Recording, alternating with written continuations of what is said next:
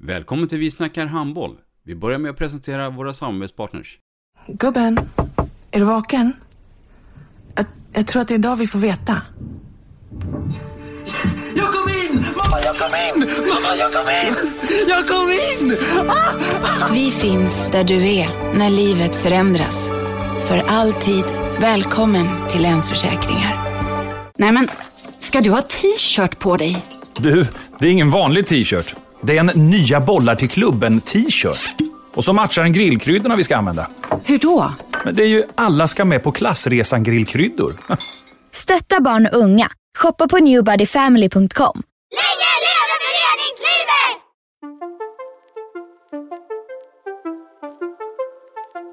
Välkommen säger vi till dig som lyssnar till den nya handbollspodden Vi snackar handboll med Robban Z och Dagge. Vi snackar handboll, där du får veta alla sanningar som du inte visste att du missat. Vi snackar handboll. Idag i programmet Vi snackar handboll, Dagge, så har vi bytt lite inriktning. Vi ska prata förening och föreningsengagemang. Det ska vi göra. Eh, idag har vi med oss en, eh, ja, en doldis som kanske inte alla känner till. Eh, och en kille som inte är här för att han har kastat massa bollar i nät, utan eh, vi har, vi har Göran R. Ros här som eh, är bra på att bygga föreningar. Välkommen Göran. Tack snälla. Göran R. Ros, Stenungsunds handbollsklubb. Vem är du? R står för rund, så jag vägde över 90 kilo. Innan dess var det Ralf. Jag är 58 år, född och uppvuxen i Malmö. Jag har bott på västkusten sedan 88. Är beteendevetare till yrket och, och eh, har forskat om kreativitet i arbetsgrupper och det är det jag andats i hela mitt liv. Både inom näringslivet och nu blandat om idrotten sedan några år tillbaka. Om vi pratar lite familjeförhållanden då, hur, hur, hur har den hängts ihop? Ja, jag lever ihop med min fästmö Lena och vi har gemensamt en, en, en eh, dotter som är 14, handbollsspelare givetvis, eh, som heter Beatrice. Jag tränar hennes lag. Sen har vi då med oss vars två barn in, in i bilden. Jag har en son Ludvig och en dotter Ebba, också handbollsspelare, inte sonen då. Och eh, eh, Lena hade Martina och eh, Sofie, två handbollsspelare. Så, att, eh, så är det. Och sen har jag två ytterligare plastbarn som jag stod på den tiden, uppe i Dalarna. Som är lite äldre, men de ska hälsa på mig som sent som eller imorgon på sommarhuset. Så det är sju barn. Du, eh, till vardags då? Vad, vad, eh, vad pysslar herren med? Jag tränar ledare och eh, medarbetare på företag och även andra organisationer att bidra varje dag. Och bidra det är det du gör utöver det du har fått, betalt för. Det är tränar att göra. Att du hamnade ute i Stenungsund då? Hur- hur Eh, kärleken, min förra fru eh, var därifrån och vi, eh, jag var vd på Stenungsbaden Yacht Club på den tiden. Eh, och det var ju nära till jobbet då, jag bodde i Borås innan. Så därför hamnade jag i Stenungsund och sen har jag pendlat Göteborg, Kungälv, Stenungsund. Men eh, Stora Höga där jag bor och där vår arena ligger är ju en del av Stenungsund. Och, och vad var din tanke då när du, när, eh, när du flyttade dit? Jag tänker koppling, kopplingen med handbollen. Fanns den då? Nej, det fanns inte. Jag är ju gammal fotboll. Jag är ju fotbollare. Jag kommer från Malmö FF. Eh, jag har ju- benen fel instuckna i kroppen så jag har aldrig varit bra på att spela fotboll. Och det såg väl de, jag såg ju aldrig det, men de såg ju det. Och är en, en ledare som, ett föredöme för mig, han heter Inge Blomberg, nu pratar jag lite fotboll, en kort period. Eh, han var ju en ikonisk ledare för mig inom Malmö FF, ungdomsledare och jag tror det hette ungdomskonsulent. Och när jag gick i sjuan så kom han och frågade mig, du, gör, han har ju sett att jag inte skulle bli fotbollsproffs liksom. Och då så kom han ju och sa till mig att, eh, att eh, vill du bli, bli ledare för fotbollsskolan? Och där började min ledarkarriär, då var jag 14 år. Och sen har jag varit ledare sedan dess. Var, var, var det enkelt uh, väg sen att komma in? Eller var det Ja, alltså Malmö, Malmö FF är en, alltså det mest, alltså jag är ju en del av Stenungsunds framgång, vi får inte glömma det. Jag är en liten del av, vi, vi är många. Men min, min bit kommer från Malmö FF, tveklöst. Jag har med mig det. Allt jag lärde, allt jag, alla, alla, tankar hur man ska bygga succession med ledare, spelare, allt kommer från Malmö FF. Sen har det ju inte utvecklats så. men Det kommer därifrån. Du hamnade där eh, via eh, att du träffade din eh, sambo då. då. Ja, det kan man säga. Vi, vi, jag var ordförande i, val, i ehm, Stora Höga, skolan ligger ju i, Stora Höga, det Ja. hörs, hörs på namnet. Eh, och det var då, vid den tidpunkten, Sveriges tredje största grundskola. Jag var ordförande i eh, föräldraföreningen. Och handbollsklubben och fotbollsklubben Vallens IF ville ha en större idrottshall och vi i, i eh, föräldraföreningen ville ha en fullstor idrottshall till skolan. Det hade vi inte. Och det har börjat ett gemensamt samarbete, och, vilket mynnat ut i att vi äger då ett aktiebolag, klubbarna ihop. Och det aktiebolaget äg, byggde, driver och äger då den här idrottshallen som vi har då. Som är sätet för handbollsklubben och Vallens IF då. Mm. Har ingenting med kommunen att göra? Kommunen, har- kommunen hyr hallen åt oss på ett 20-årigt avtal eh, och sen hyr de ut dem till klubbarna. Men det är vi som äger och driftar. Och det här var ju ett, ett sinnrikt lösning för kommunen att inte behöva låna ut pengar. Inte, att, att, att inte då bygga en hall, för det hade de inte pengar till vid, vid tillfället. Att inte behöva eh, det, gå i borgen för ett lån. Utan det var en sinnrik idé som jag och min kompanjon på den tiden, Håkan Nummerdahl, samt eh, två stycken fantastiska tjänstemän på kommunen, snirklade ihop under ett antal möten. Som sen blev ett, en, en, ska man säga, har använts på fler ställen i Sverige, i fler kommuner. Vi- Vi har ju varit på, eller jag har ju varit på många eh, idrottshallar runt om i Sverige, men aldrig Stenungsund. Nej. Hallen du pratar om, eh, vad är den för, eh, är det en mindre arena eller en sporthall eller? Eh, vi, vi fick inte lov att bygga läktare i den, men det har vi gjort i alla fall. För det, man kan inte säga någonting med att man inte får. Utan då, då blev det så att vi har en liten läktare. Men Stenungsunds kommun har ju en jättefin hall inne i själva Stenungsund som heter Stenungsunds arena numera. Och det är ju liksom huvudarenan. Men där får vi inte ha klister och där spelar inte vårt lag. Utan vi, alla våra lag man ska ha som huvudarena är vår egen arena ute där. Vi har liksom en uppförbar läktare och så har vi en balkong där man kan vara. Så vi får in en 350 pers och det är, mer än så brukar det inte vara på våra matcher heller. Och, och ni har haft lite fint främmande då och då? I- i- i klubben? Stenungsund? Ja, till handbollen. Ja, landslaget har ju varit Ja, där många precis. gånger och haft träningsläger. Och, och Per Öberg, en gammal OS-spelare för, för, för vårt fina, stolta landslag, han bor ju i, i St- Stora Höga där jag bor, och god vän, väldigt nära vän till mig.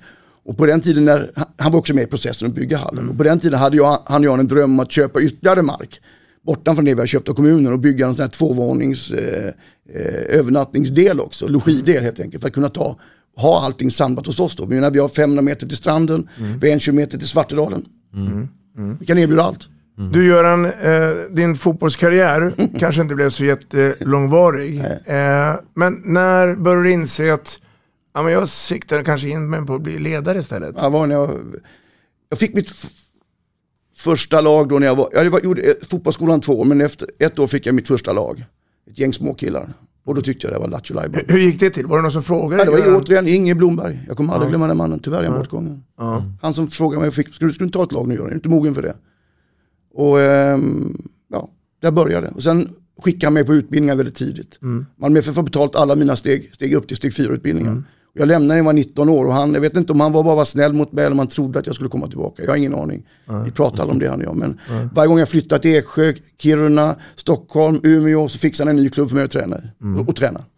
Så han, han, han har vallat för mig hela vägen. Så du har ju varit seniortränare alltså? Ja, på, ja. ja. På vilka nivåer då? Eh, eh, division 3 Ja. högst. Okej.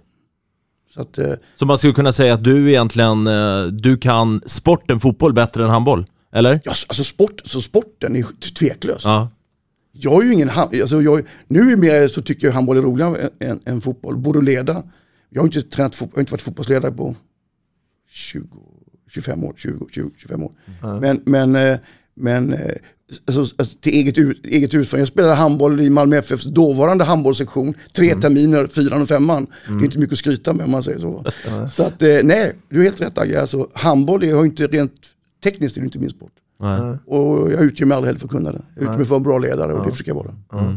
När tog det fart då här i Stenungsund? Eh, ledarrollen i handbollsklubben? För min egen, först var mitt engagemang att- bygga. Jag var ju ordförande i det här bolaget då, i första, Ja. första eh, verksamhet, ja, under hela byggnationen och första, ja totalt sex år. Eh, och sen så lämnade jag det och så var det ju näringslivet som gällde, om man säger. Att man fick lägga fokus på det till 100%. Sen spelade ju alla de här döttrarna spelar ju handboll, men jag, eh, jag tyckte jag kan inte, jag är ingen handbollsledare. Som de flesta föräldrar som inte själva spelat handboll tycker. Eh, och eh, och så med, med, ingen, jag var inte ledare med någonstans. Jag tyckte jag hade byggt en hall, det fick räcka. Men sen så började lilltjejen spela handboll och jag tyckte det var jättekul att hon gjorde det. För jag har ju en kärlek till klubben naturligtvis. Och så sitter man på det här föräldramötet när de ska gå från när 06 och 07 ska delas upp. Då säger ledaren som hade tränat dem här, nu går jag med 06 när för hennes dotter var ju där. Nu måste, man, nu måste vi ha eh, några ledare som tar över 07-tjejerna. Och då hör man ju en röst i, i rummet, den kan jag ta. Fan, det var ju min egen röst ju. Där började det. Mm. Och då, vi, är fy, vi var fyra stycken som tog då, alla vi fyra är kvar. Och det är sju år sedan. Så alla fyra är kvar, det är rätt häftigt. Eh, när, när egentligen började spela handboll var, det klassiska handbollsskolan och sen blev det tvärshandboll och... Med, med, med, med mitt lag menar du? Nej, nej, men när, när egentligen började spela handboll. När jag själv? Ja. Jag kommer knappt ihåg, Eh, nej det var ingen, fanns ingen handbollsskola, det var ju rätt in i laget där och, och tjonga boll. Jag har ju så, jag har ju så små händer, va, så det gick ut skogen. Jag, var, jag har ju verkar ha armarna fel instuckna i kroppen. Jag tror Robban menar alltså, flickor 07. Alltså fick en 07, ja förlåt. Vi, vi- vi kommer till det, men, men eh, vi kan ta både och. Men nu fick jag svar på första frågan. Men flickan 07? Eh, där var det ju eh, handbollsskola, eh, då hade vi ju, eh, då, hade, då började man, man var ungefär sex år vid den tiden. Nu har vi ju lägre i klubben idag, men sex år så var det ju det här vanliga, liten hall man tränade i och, och sen så blev det ju, åkte man på minisammand, minisammandrag, då, minihandboll. Eh, och sen så blev det ju då fullplan helt plötsligt. Men var det också det här klassiska då, att, att eh, föräldrarna körde, lämnade barnet utanför hallen och sen åkte iväg? Nej, vi har- Eller satt man kvar och tittade på träningen? jag kan säga när vi bildade laget så, så då började jag, då tränade vi söndagar i en alldeles nybyggd fullstor hall i, i, ehm, i, eh, i Spekerö som ligger precis vid Stora Höga. Och då hade jag föräldramöte var, varje söndag. Så jag hade föräldramöte varje gång. Varje träning så, då, efter samling med tjejerna, då tog mina kollegor hand om tjejerna. De, hade, de kunde mer handboll än jag kunde. Och så gick jag till föräldrarna och så hade jag föräldramöte varje söndag. Och då berättade jag om vad vi gjorde, vad vi tänkte, hur vi tänkte göra, vad, vad våran plan med laget var. Och, eh, och så satt de där och det var också ett sätt att få föräldrarna att lära känna sig. Det var bara en bonus, det var inte jag, jag, jag hade ju ingen tanke med det. Men då började de promenera, åkte de dit, satt på föräldramöte fem minuter och sen började de promenera tillsammans. Och, sådär, och, blev, och, och bonda liksom. Och därför har vi en väldigt stark föräldrasamverkan i laget idag, sju år senare. Det tror jag började, men det, det, det, det, var inte, det fanns ingen strategi utan det var bara, det är bara en bonus. Slump, Det var en bonus. Men föräldramöte hade vi varje söndag i ett helt år. Där började det. Vad, ehm, om vi tar steget nästa steg här då. Jag tänker på föreningen i Stenungsund. Ehm, Berätta lite grann om, om, om den resan då som, som har gjorts och, och görs fortfarande. Jag kom, jag kom tillbaka till klubben 2015 kan man säga, eh, som valberedningens ordförande. Och, och, eh, som ni vet i alla mindre klubbar, och säkert i alla klubbar, det är alltid svårt att hitta en styrelse. Det är busvårt. Eh, och många känner ju, men jag kan ju inte handboll, vad, vad ska jag tillföra? Man behöver inte, precis som när, jag, när vi satte ihop styrelsen i det här bolaget då, tio år tidigare, så sa jag till de två klubbarna att jag vill inte ha era bästa bollpumpar eller era bästa fotbollstränare. Jag vill ha folk som kan sitta i en bolagsstyrelse. Det här är ett aktiebolag, vi leder, lyder under, under aktiebolagslagen. Så skicka inte hit några bollpumpar i träningsområdet, men utan skicka folk från näringslivet till mig istället. Och, det var, och, och så blev det. Så, den styrelsen var en superpotent styrelse. På samma sätt tycker jag, när jag- man frågar folk om jag kan inte göra någonting, då går man ofta runt och frågar ledarna bara. Och de har ju redan ett uppdrag i klubben. Det blir jättesvårt att få upp den. den. Och där försökte jag tänka om när jag kom tillbaka då som valberedningens ordförande för andra gången. Nu är det, nu är det för tredje gången. Men för andra gången och började tänka hur jag skulle göra. Och då hade jag en kille, en väldigt nära vän mig som heter André Gunberg. Jag eh, var på att hacka på honom. Han är norrman, har spelat handboll hela sitt liv. Jag var på att hacka på honom. Han bor i Stora Höga. Näringslivsmänniska, super, superskarp ledare. Så jag hackade på honom men ah, tvekade. Så lyckades jag då andra året då, 2015, få in då som eh, ledamot i styrelsen. Och där började resan. Han fick se hur det funkar, fick lära känna sig svenska, lite så här hur det fungerar. Året efteråt var jag på honom igen då. Du, eh, nu tar vi steget upp som ordförande, eller hur? Eh, och det sa han ja till under förutsättning att jag klev in som vice ordförande. För jag kan ju det, den svenska, det här med styrelsemöten och allt det, du kan det. Men eh, den killen där, ha- hade han, eh, eller har, någon barn som spelar i klubben? Tre. Tre? Ja. Då hade han väl bara två, eller då hade han bara en faktiskt, men nu har han tre. För nu har st- storesonen kommit in och gör ett fantastiskt eh, karriär. Eh, André Gunberg är, är starten för våran resa för mig. Han, han var den som när han kom in som ordförande började styra upp och hade en vision om handboll som jag inte kunde ha. Jag hade inte den visionen. Jag hade mer en vision om att det skulle bli en bra klubb. Liksom. Han hade vision om handboll. Och där började resan med honom. Jag var sportchef, kan man ju synd att kalla mig sportchef, jag hade inte så mycket kontakter med Jag försökte sköta det interna. Och på den tiden, och då började vi rensa massa grejer, då rensade vi upp hur många aktiva spelare det var, då kom vi ner till 148 aktiva spelare. Då? Ja, då. Vilket år? Eh, vi, när vi gick in i säsongen, eh, eh, nu ska jag rätt, när vi gick in i säsong, när vi gick ur säsongen 2016, det vill säga våren 20, april 2016. 148 spelare då fördelat kanske på en 5-6 13, lag? 13 lag. Då? Ja. Ja. Och idag, idag då, när vi går in i nu säsongen 20, eh, 21-22 så är vi 678 aktiva spelare. Eh, vi anmälde 45 lag till seriespel till den säsongen som tyvärr blev väldigt kort. Då. Mm. Vi har inte exakt siffra på hur många och vår klubbdirektör har anmält nu här då, men det är något liknande. Inte fler. Så det är en ganska tuff resa på de här säsongerna. Om, om vi pratar geografi, och för de som inte vet, men var befinner vi när vi är i Stenungsund? Det ligger fyra mil no rakt norrut från eh, Göteborgs stad. E6 mot Oslo, passerar du Kungälv och sen kommer du till Stenungsund. Mm. Okej. Och Stora, Stora Höga där vi har vår arena, den ligger i de södra delarna utav... Eh, Vill- Vill, du påstå att Kungens HK är det då den närmaste grannen som bedriver handboll? Ja, det är det. Ja. Jättefin klubb. När ni nu börjar utvecklas, Mm. börjar de titta snett här på er? Att du, eh, här verkar komma upp någon konkurrent? Eller? Jag har aldrig upplevt det från kungen. Nej. Nej. Jag har inte hört någon, jag har inte hört, eh, aldrig hört, aldrig märkt. Nej.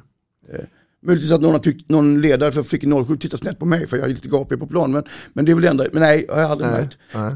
När mina döttrar spelade var ju Kropps den stora klubben man pratade om. Det var ju Kropps, alla, alla våra ungdomar tog ju tåget, bussen upp till Uddevalla varenda morgon och gick på handbollsgymnasium. Det finns ju inte längre. Det finns ju ingen som åker norrut. Det är ingen som pratar kroppskultur hos oss längre. Utan det är ju Kungälv man pratar om idag. Våra, några spelare har gått till Kungälv och provat sin lycka där. Så. Men oftast är det ju så att de spelar hos oss ganska länge och sen ut. Men i och med att ni har vuxit så explosivt sedan eh, 2013. Ja, är Eh, egentligen 2016. Ja, 16, 16 ännu kortare tid. Eh, det har också inneburit att ni liksom har kan, kanslipersonal och, och, och liksom, det, det är en rätt stor apparat nu. Ja. Alltså man, säger, man, man kan ta alltså, tre viktiga händelser. Det är André Gunberg blev ordförande. Att eh, han och jag var uppe och träffade eh, vår vän Kenneth Johansson från Önnered uppe i Uddevalla. Fick lyssna på vad grundstenen var. Bestämde oss för att köra grundstenen. Plocka hem, grund, som jag säger, plockade hem grundstenen till klubben. Genomförde projektet. Vi var ju första kullen. Eh, och sen då i juni 16 eh, så anställde vi Malin Svensson då som har varit klubbdirektör nu i fem år. Nu går hon till att bli verksamhetsledare för förbundet, nya förbundet här nu. Hon har varit hos oss i fem år och det är de tre viktigaste, för mig är de tre viktigaste eh, sakerna som har hänt. André, grundstenen, Malin. Berätta lite för oss och alla lyssnare här, vad, i korthet, vad, vad den här grundstenen gjorde för Stenungsund konkret. Ja. Kenneth och Ysle då från Kungälv, de kom till oss och satte oss ner i möten. De gjorde det jobb jag gör med företag måndag till fredag, gjorde de hos oss i klubben. Eh, de fick oss att göra, fick oss att gå tillbaka, navelskåda oss själva. Vad är det vi vill med våran klubb? Vad har vi för vision? Vad har vi för tankar? Det hade ju klubben jobbat med tidigare också, men vi, det, blev, det blir ju en sån här, en lördag så gör man någonting och så försvinner papperna. Här blev det ju så att vi återkommande, och han, han, Ken, ni känner ju Kenneth, det är en tuff farbror. Han är ju en skitbra gubbe. Han, eh, när, när vi inte, om, vi, om vi någon gång inte hade gjort det vi skulle så sa han ju till oss. Och då gjorde man ju det. Och konkreta saker, det var ju att börja hitta, det, det mest konkreta var att vi tog fram vår eh, gemensamma plattform. Och det är en trappa med ett antal grejer i då. alltifrån det stora visionen och, och, och värdegrunderna och sen går vi upp på, på individnivå högst upp i trappan. Då. Och den bilden lever kvar. Den, den kommer vi titta på nu på första gången, kommer vi titta på den i augusti nu när vi ska göra ett omtag nu. Malin har slutat, vi får in en ny klubbdirektör och då ska vi, har vi bestämt att då ska vi göra något nytt här. Alltså titta på det igen. I, förändra. i, det- jag är lite nyfiken här, men i den här trappan, fanns det liksom målbilder och tidsaxlar Eh, kopplat till det? Mycket målbilder, en del tidsaxlar, men mycket målbilder. Ja. Vi, vi valde bort tror jag lite grann det här med tid, för det kan lätt bli också en det är ju en bra att ha lite press va. Deadline det gillar alla, jag är gammal reklamare, vi jobbar bara efter deadlines. Eh, Men liksom, eh, det kan också bli en press att man hamnar i den här situationen som jag märker i mitt jobb, att man når inte en målbild på en utsatt tid och då, och då, och då sänker man sig själv, då, då kommer ett självförakt istället. Och det vill vi ju inte ha. Det här ska vara, det här ska vara liksom full fräs majonnäs hela vägen. Och det har det varit. Och det, så lite tids, mycket målbilder, men lite tidsaxlar. I takt då med att ni utvecklas så kommer vi in på lite grann som jag tror att du brinner för också. Det är ledare Ja. och ledarutbildning Ja. och ledarskap. Ja. Berätta. Det är det bästa som finns ju. Det är ju fundamenta för allt vi gör. Allt vi gör. Men ledarskap och föräldraskap för mig är samma sak.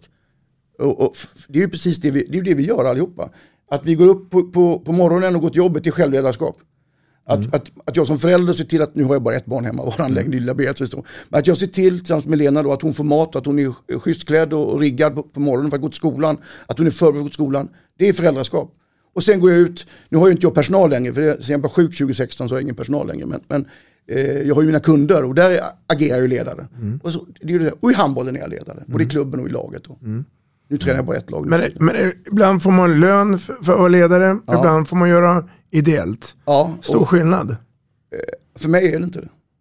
Alltså, jag, jag har ju varit väldigt aktiv ideellt i massa organisationer eh, inom näringslivet. Företagarna, Ung Företagsamhet, varit, varit Svenskt Näringsliv, eller hette SAF på den tiden.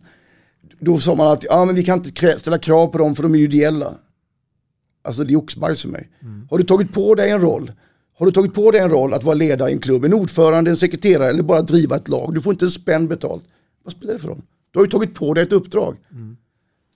Så jag, jag, jag, jag delar inte den uppfattningen som många fortfarande har.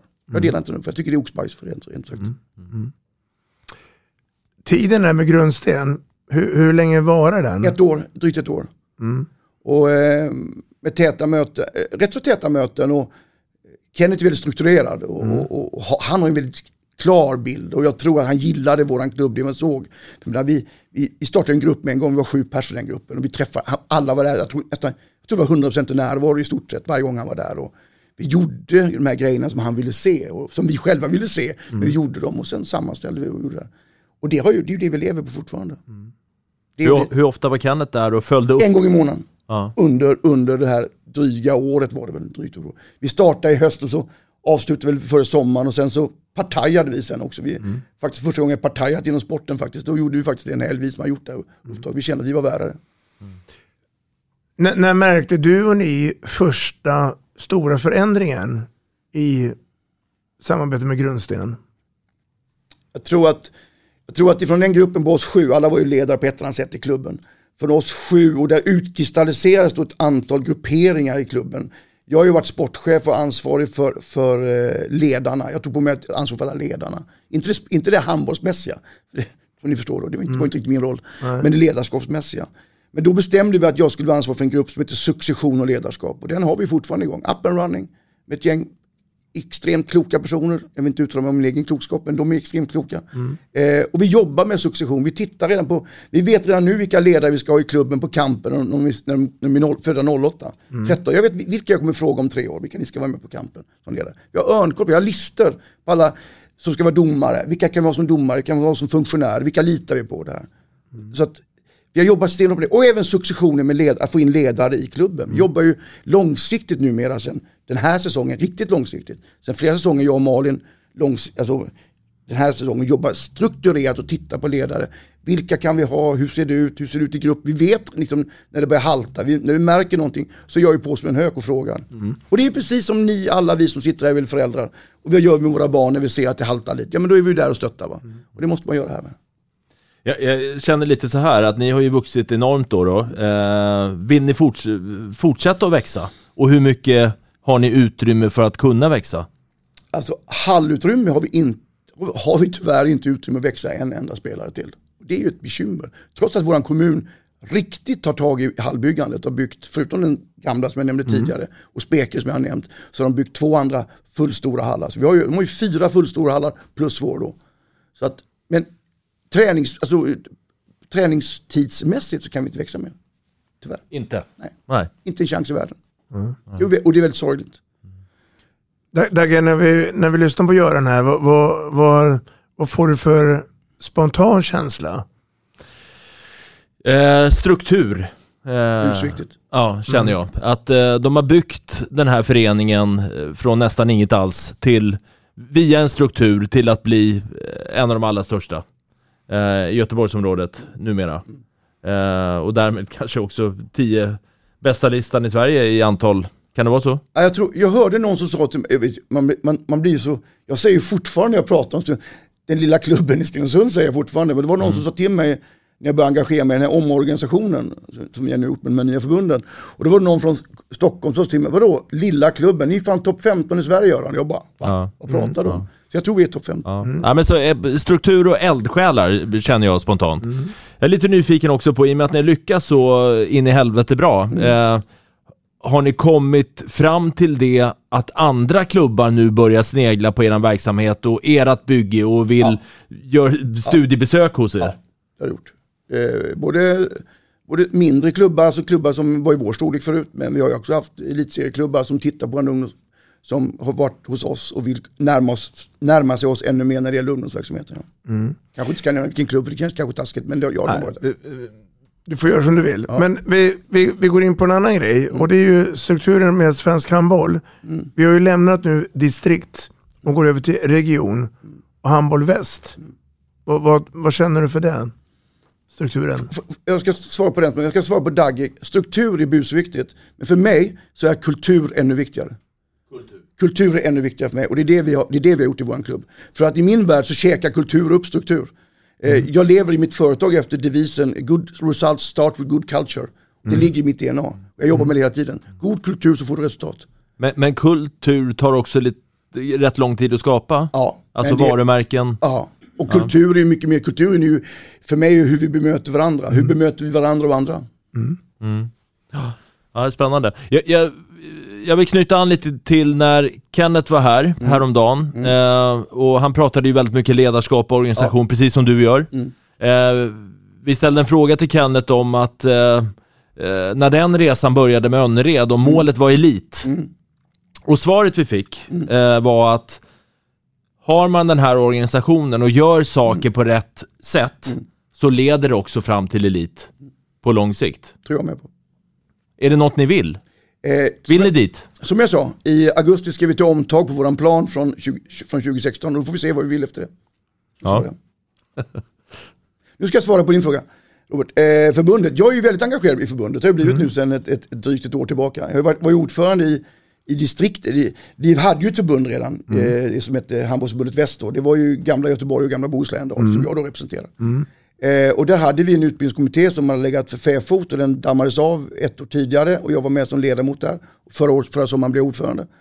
Och, så, och då fick jag ju kasta sig in i den här omorganisationen nu med de här fem förbunden. Och, och jag är ju en, extremt positiv till den omorganisationen.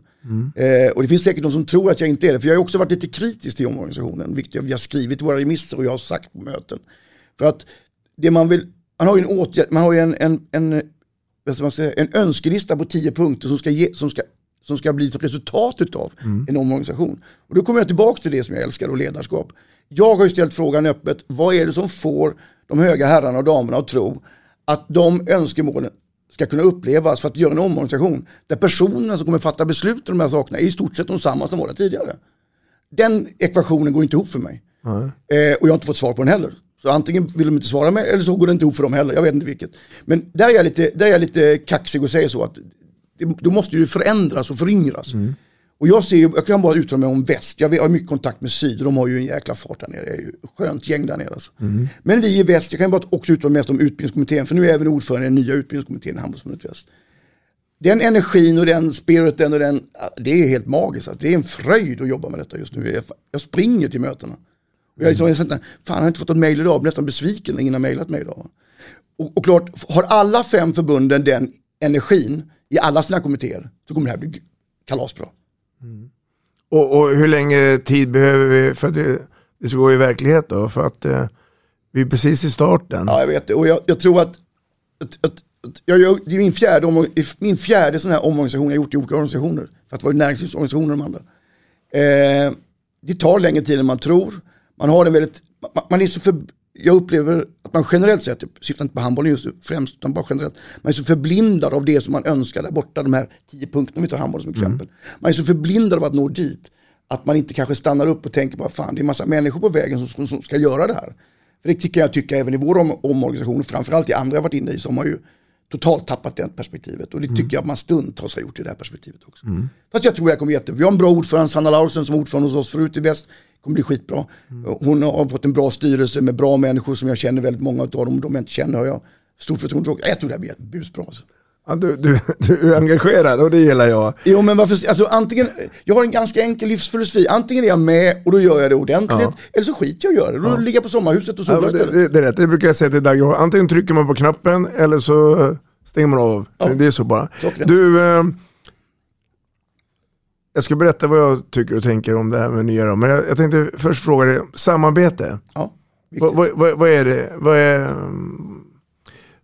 vad tycker du om det? Vad, vad, är viktigt för dig att höra ordet samarbete? Det är då minst två parter som förhoppningsvis är ödmjuka båda två. Och ödmjukhet vet ju knappt svenska folket vad det innebär. Ödmjukhet är inte att vara snäll och vänlig, för det är sympatiskt. Att vara ödmjuk är att veta sin egen roll i sammanhanget. Att förstå sin egen roll i, det i den situation och i sammanhang man befinner sig. Det är att vara ödmjuk.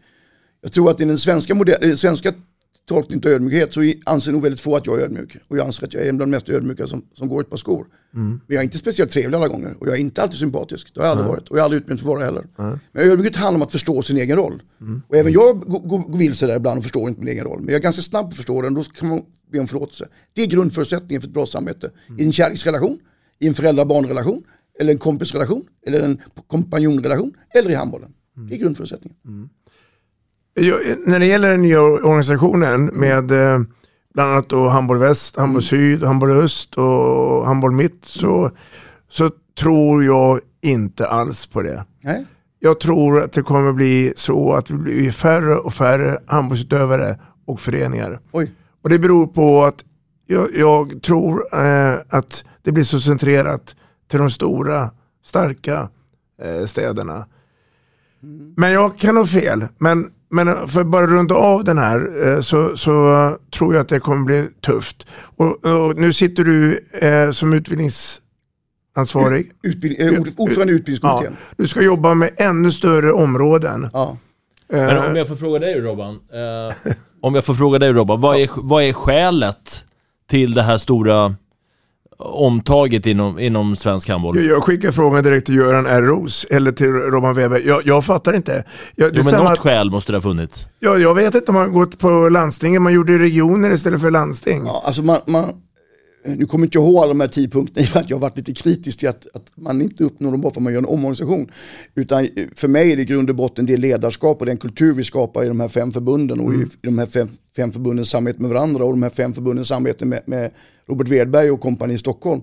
Och det, det sker ju inte automatiskt för att vi går från 13 till 5. Det var lite grann det jag var ute efter. Mm, Att Det finns liksom ingen association. Ah, det, är som att, det är som en stor koncern med 13 fabriker skulle lägga ner då, vad blir det, 8 och behålla 5. Mm. Det är ju väldigt sällan det sker utan att man gör en rokad på huvudkontoret. Det har vi inte gjort i det här fallet.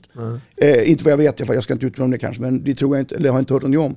Men, men jag tror att det finns många bra effekter av det här. Och ett av skälen som jag har, har hört så mycket nu är det här att det ska bli lika för alla från norr till syd och spela handboll. Och, och, och jag, jag blir trött när jag hör att vi ska ge varandra samma uppfattning, eller samma eh, möjligheter. Det finns ingen möjlighet att ge alla barn samma möjligheter. Vi ska ge dem liknande möjligheter. Det är en jäkla skillnad på de två begreppen. Och där, då, där jobbar jag med att vi ska ge alla i vårt stora förbund, och Värmland, Västergötland, sex kommuner i, i, i- Småland, norra Småland, men ibland Jönköping då, och eh, fyra kommuner i Halland, gamla Bohuslän och gamla Göteborg. Det här stora området då, så ska vi ge alla ungdomar en liknande möjlighet. Men att stå och predika att vi ska ge dem samma möjlighet, det är ju, det är ju, bara, det är ju blåljuga rätt ut i luften. För alla har inte samma förutsättningar. Men vi kan ge dem liknande förutsättningar och liknande möjligheter. Och det tänker jag jobba för. Även om de bor i Torsby i Värmland. Eller någon annanstans. Ja, ja det, det, det, det är skönt. Eh, utbildningen och en del av utvecklingen i Handboll Väst då. Eh, vad, vad, vad, tänker du börja någonstans? Alltså vad, vad kommer jag se resultat? Här har Göran varit och grävt. Det är ju inte jag som gräver, vi är tio stycken i kommittén, vi gräver tillsammans. Jag, Ja. jag har sett till att de får, fått varsin spade, så jag de och gräver. Jag, jag är en utav tio. Eh, utmaningar då? Utmaningarna är ju att, alltså den första utmaningen, vi har haft en ganska lång process här sedan september då. Utmaningen vi hade är ju att se om olik, olikheterna i de här fem gamla distrikt, distrikten. Mm. På sådana grejer som vi då hanterar. Eh, spelarutbildning, distriktslag och eh, tränarutbildningen. Och hur, hur olika vi har arvoderat, hur olika vi har gjort och tagit betalt och inte tagit betalt och vi har haft läger och inte läger. Dags- Det, var- vi gjorde- vi gjorde en jättegenomlysning i november och sammanställning jag har sammanställt hela den. Och jag, när, jag, när jag satt med den framför tänkte jag, oh, holy macaroni, hur ska vi få ihop det här till ett liksom? Men det går jättebra. Och för mig är det busviktigt, jag fick en uppdrag av Sanna att göra ett förslag på hur jag skulle bygga upp en kommitté. Och för att man ska få med så många som möjligt då, så gjorde jag tre råd i våran kommitté. Och, eller, eller Sanna hade faktiskt förslag på det, jag ska inte titta åt med. Jag hade två råd, hon la till ett. Eh, och det ena rådet sysslar då bara med spelarutbildning, distriktslag. Och då har vi satt en kille som heter Niklas Winterqvist, ordförande i Mölndal. Han är ansvarig för för det rådet. Och då har jag sagt att det ska vara minst fem, för det ska vara minst en från varje distrikt. Första året. Sen, sen är vi ett distrikt, eller ett förbund. Och då sprang, men första perioden vi att det ska finnas med en från varje distrikt. Så att alla känner sig delaktiga. Precis, det är det här för att vi inte ska tappa de här som du pratar om. Och då har vi ett råd som sysslar med spelarutbildning och, och eh, distriktslagen. Och det sköter ju Niklas då med sitt gäng. Kalasbra. Och sen har vi ett gäng som sköter tränarutbildningar. Det är Magnus Westlund, tidigare ordförande i, i Småland, Blekinges utbildningskommitté. En kalaskille till som har tagit tag i det med ett gäng då, som jobbar med tränarutbildningar. Se till att, vi, att nu de nya tränarutbildningarna från svenskan kommer in och att vi har instruktörer. Det var väldigt skiftande instruktörer kan man säga. Många är på listan men inga, ingen vet vem de är, men det är spännande. Men också rensa listan, se till att vidare, vet det, ehm, heter det, ut, utbilda ny, vad säger man? Extrautbilda, jag hittar inte ordet nu. Nej. Förkovra. Vidareutbilda. Tack snälla. Vidareutbilda ledare som inte hade rätt förutsättningar och så vidare. Och så ha en lista och en aktiv lista. Och det jobbar han och hans gäng med. Och då har de ju, båda de här två råden har ju varsin tjänsteman med sig. Har det varit en utmaning att få fram de här människorna i respektive råd och kommitté? Eh, Inte för, inte för oss. nej. Vi har varit, den här gruppen har ju varit, vi har inte varit tio från början men vi har ju hängt ihop sedan i september. Så det var ganska klart. Så Det, det var inte klart för mig, jag, trodde, jag tyckte Magnus skulle bli ordförande, Magnus Westlund. Men det tyckte inte han, det tyckte inte de andra heller. Så då blev det jag. Så för mig var det faktiskt, jag tyckte han hade gjort ett bra jobb i Småland. För mig var det klart att han skulle vara det. Ja. Nu blir det jag, då får det vara så. Du, eh, vi har ju 24 timmar på ett dygn. Ja. Eh, Känner du att du hinner med alla bollar? Eller vissa saker som man måste prioritera lite annorlunda? Eh, ska jag bli väldigt privat och personlig så har jag ju varit inne i den här hälsikesfären som kallas psykisk ohälsa som jag då också då har ägnat mitt liv åt att, att föreläsa om. Så jag själv blev sjuk första gången och jag var inne 2016 och vurpar en gång till då. Eh, så att jag har ju då visat mig en gång i alla fall att jag inte lyckades leva så trots att jag hade varit på en smäll en gång. Då för, ytterligare, för 20 år sedan. Men eh, idag är jag duktig på att eh, sortera eh, och känna efter. Du, har- du har lärt dig lite grann från, inte misstaget, utan för det, det som hände då. Ja, jag, misstag. alltså, någonstans har jag ju läst det här en gång i tiden och så har jag engagerat mig. När jag sjuk, blev sjuk 2001 så tänkte hur fan kan jag få en depression? Det verkar helt Jag som är en sån glad kille. Då blir man ju nyfiken på det. Då börjar man ju studera lite och så börjar man ju föreläsa om det. Psykisk ohälsa som man sa på den tiden. Nu heter det ju psykisk hälsa. Vi ska ju alltid försköna allt i Sverige. Psykisk ohälsa pratar vi om och det gjorde vi och det har jag åkt runt och pratat om många, mycket sedan dess. Och så strandade jag själv då 2016 igen i det. Du, om vi går tillbaka till eh, kepsen med Stenungsunds OK. Mm. Um, eran synsätt där då, är, är alla välkomna till föreningen? Alla är välkomna. Jag tänker på nytillkommare, eh, invandrare. Ja. Vi har, vi har, alltså alla är välkomna, ja. Men, vi, men tittar man på vår förening så kan man kanske tro att det inte är så. Vi har få nytillkomna som, som, som, som spelar handboll. Eh, vi har några, några flickor. Som en flicka som spelar, jag vet inte riktigt vad det heter, men någon sån här sjal över huvudet. Eh, kan inte riktigt rätta namnet på det, men jag menar inte illa med Men eh, vi har väldigt få som spelar handboll, nytillkomna. Vi har några stycken, väldigt få. Tyvärr. Men det är inte så att de inte är välkomna. Och en grej som man kanske ska nämna så att vi har fått sån explosiv utveckling. Jag och Malin och några till har ju varit ute och träffat alla skolelever, förutom på en skola då, i hela kommunen i fyra år. Och 2019 var jag ute i stort sett själv. Då träffade jag själv 1300 elever. En, skol, en gymnastiktimme på hösten under en månads tid. 1300 elever. Och klart, och det året ville vi knappt lämna ut en liten folder efteråt för att då var det fullt i lagen redan. Men vi gjorde det i alla fall. Och så har vi gjort varje, varje höst då. Just det här med integrationen, det är ju inte bara ni som eh, känner av det, att det är Nej. väldigt få nytillkomna som Mm. ansluter till handbollsföreningarna. Har du något, har du något, jag menar du verkar vara en otroligt engagerad eldsjäl liksom Mm. och eh, hur ska vi bära oss åt för att få, få, alltså få in det antal som representerar ett, ett tvärsnitt av Sverige? Ja. Jag tror att det krävs att åka ut i skolorna. Det krävs, som vi då har gjort. Jag har träffat jättemånga invandrare, eh, alltså barn som kommer från, från, från andra länder från början. Eh, träffat dem jättemycket. Eh, tyvärr, nu, första frågan man får, som, vad kostar det? Fast det är ju billigt ändå, Jo, men, alltså men, jämförelsevis. men, men, ly- lyssna vad jag säger. Första frågan jag får från de barnen, är, vad kostar det? Mm. Och det gör så ont i hjärtat, men det, det snörper sig. Jag är själv barn, pappa till sju då. Jag har inte gjort alla sju då. Jag har bara tre som jag har varit med att göra, men det är sju barn i mitt hjärta. Och när ett barn som är kanske 11 år går i fyran, tycker det här var kul med handboll. Jag ser, wow, det här är ju en framtida stjärna. Och så ställer de frågan, vad kostar det? Mm. Där har du första problemet. Vi måste hitta en, en ekonomisk modell där kommuner och annat kan gå in och stötta, eller andra organisationer. Och vi som klubb kanske inte måste ta ut medlemsavgift. Det tror jag är det första. Sen andra hinner inte ut träffa deras föräldrar och prata med dem som förstår vad det handlar om. Mm. Framförallt att flickor ska få göra det, det är inte alltid tillåtet. Och att få föräldrarna att förstå att så här fungerar modellen i Sverige. Vi är ju väldigt dåliga, vi är väldigt bra på att hjälpa folk till i vårt land, vilket jag tycker är helt rätt. Men vi är väldigt dåliga på att sen visa vad, vad som händer i Sverige, vad kan Sverige erbjuda dem? Jag tänker lite sådär, jag, jag förstår ju den här kostnadsproblematiken. Eh, men tittar vi på andra idrotter, eh, fotboll inte minst, men även basket, så är det otroligt invandrartäta Ja. idrotter. Ja. Eh, och det lär väl näppeligen vara gratis där. Antagligen inte. Jag, jag, har inget, jag, jag har inget bra svar, utan jag bara refle, reflekterar och känner över de, de frågor jag får nu till skolan. Vad kostar det? Mm. Och det gör mig liksom lite ja, nedstämd. Du, eh, det finns en kategori människor som förbundet också satsar på och det är de med nedsatt funktionshinder. Exempelvis parahandbollen. Är det någonting som du känner att man kan driva? För att där är ju viss del av handboll väst inblandad, även, även handboll syd. Det finns ju över hela landet, men det är lite olika. Ja, vi har ju klubbar här, här i väst som är jätteaktiva på det.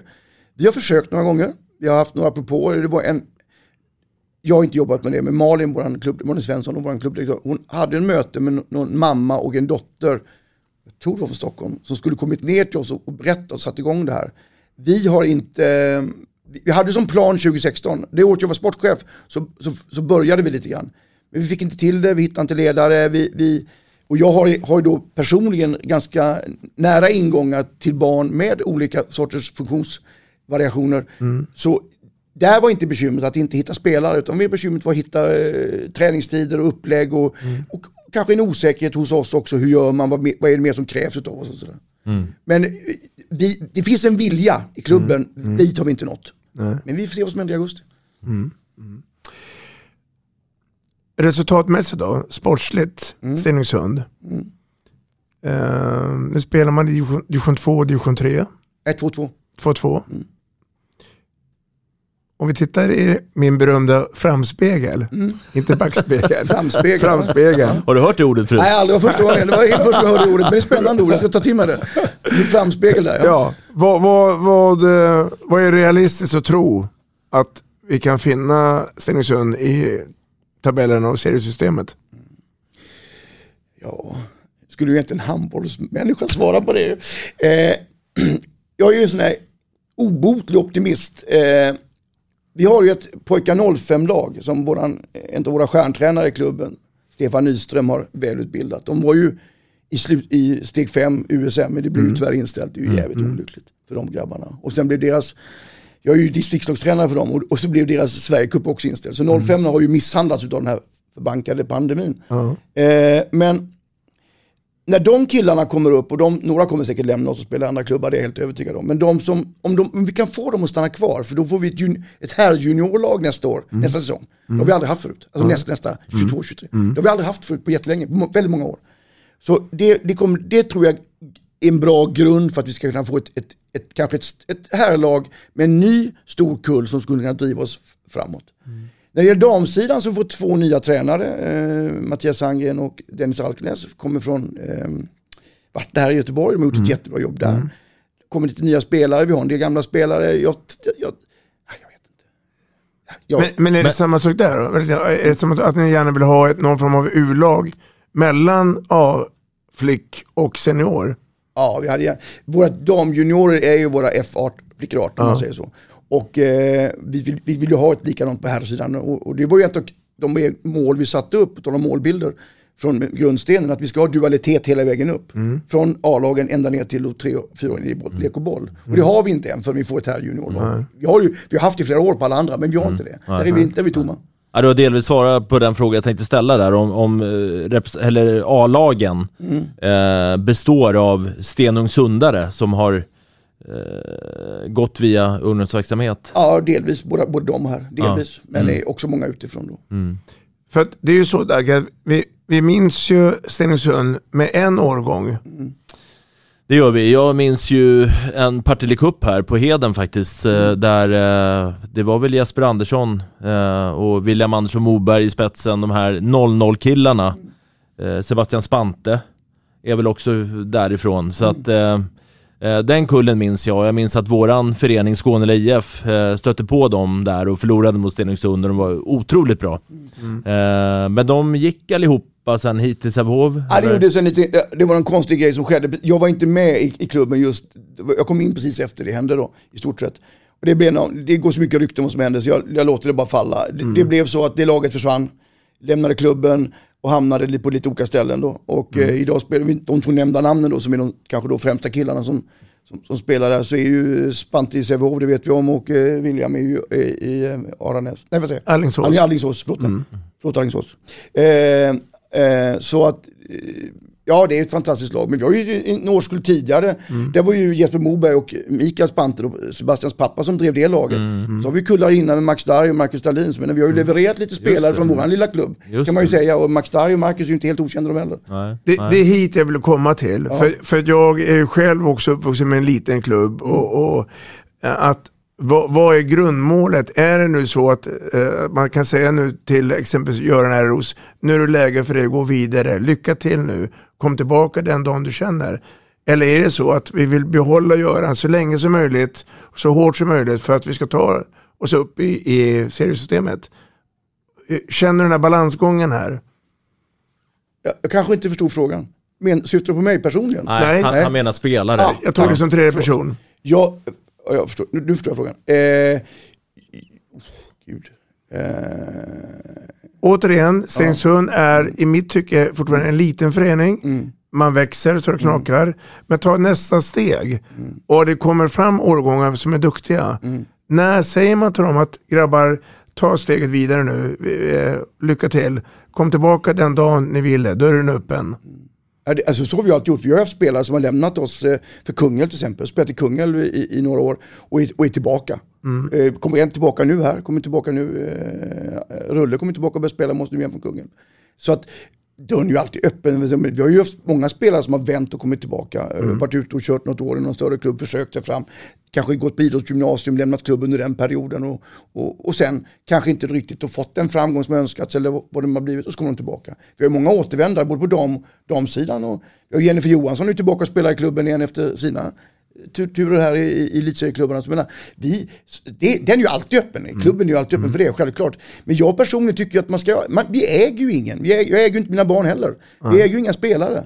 Eh, och och då, då ska man inte stoppa dem på något sätt. Va? Vi har en sån aktuell fråga emot, i vårt lag nu när vi med en flicka som, som, som, eh, som kommer spela med ett äldre lag nu då, alltså inom klubben. Men alltså, vi äger, in, vi äger ingen. Sen kan man ha olika regler och olika förutsättningar och allt det här. Det kan man diskutera i några fall kanske. Men, men nej, jag tycker att, jag tror vi kommer, det här fantastiska 05-gänget killar här nu, nu börjar några gå på riksidrottsgymnasierna och de här och, och nio och allt vad det heter. Och klart, det är ju stora klubbar som vi pratar med dem redan, det vet vi om. Och, ja, nej, jag utgår från grundregeln, vi äger ingen. Så får det vara så. Stenungsunds OK år 2021 och Stenungsunds OK 2026, 2027. Vad är den stora förändringen som kommer att ha hänt då tror du? Får man drömma så har vi ytterligare en hall till i Stenungsund. Att Stenungsunds kommun bygger ytterligare en hall till, vilket de borde göra. Både för den skola jag syftar på skull, som har två små skithallar. Eh, och att det skulle ges mer plats för våran klubb och andra klubbar. Det finns, finns ju fler sporter i Stenungsund. Att få mer träningstid, det är en dröm jag har. Vi skulle innebära att klubben skulle kunna vara ännu större, Vi skulle ha ännu fler barn i handbollen. Eh, jag, har ju, jag har ju naturligtvis en dröm om, jag ju, kommer från en Malmö FF, en ganska framgångsrik fotbollsklubb. Jag har en dröm om att våra lag kanske skulle spela division 1 istället. Kanske eh, högre än så vågar jag inte drömma. Att vi ska spela Och det tror jag är ganska realistiskt Ja. mål om man nu får till en ny hall Ja. och kunna ge alla För jag utrymme. menar, det finns ju för, alltså vi, vi tittar bara på mitt eget lag 07-tjejerna, tittar på 06-tjejerna och 05-tjejerna. Vi har, och vi har även de, de äldre som spelar nu i F18.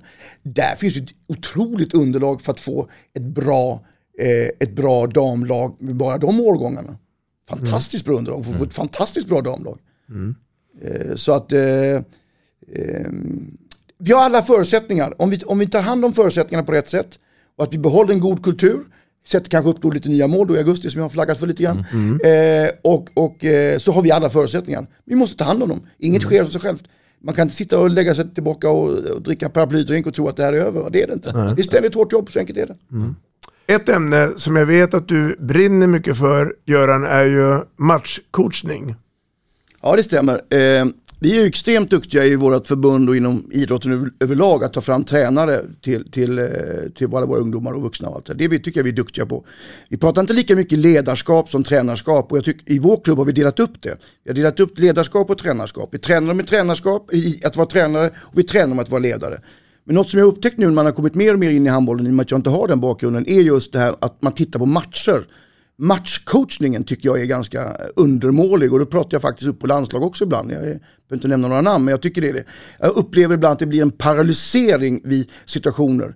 Jag är själv en ledare som gärna vill att vi tränar in saker och att vi ska spela efter det. Jag har en trygghet i att vi gör, att vi, att vi, att vi spelar vårt spel och litar på det. Men när det inte går, när det går i stå, då måste vi våga förändra och det ser jag lite för lite av. Matchcoachning är viktigt för mig och det ska vi se till att Handbollsförbundet Väst blir bra på. Göran R. Ros. Tiden har tagit slut. Då. Det var så kul ju. Ja.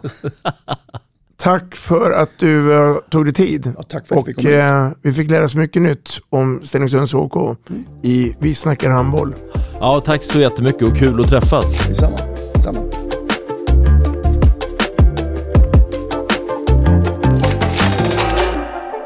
Vi snackar handboll, där du får veta alla sanningar som du inte visste att du missat.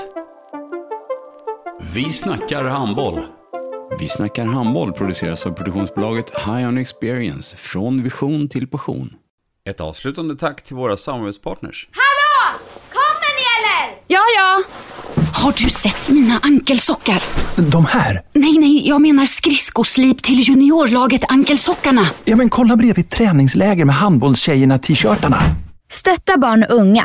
Shoppa på newbodyfamily.com. Länge leve föreningslivet! Gubben, är du vaken?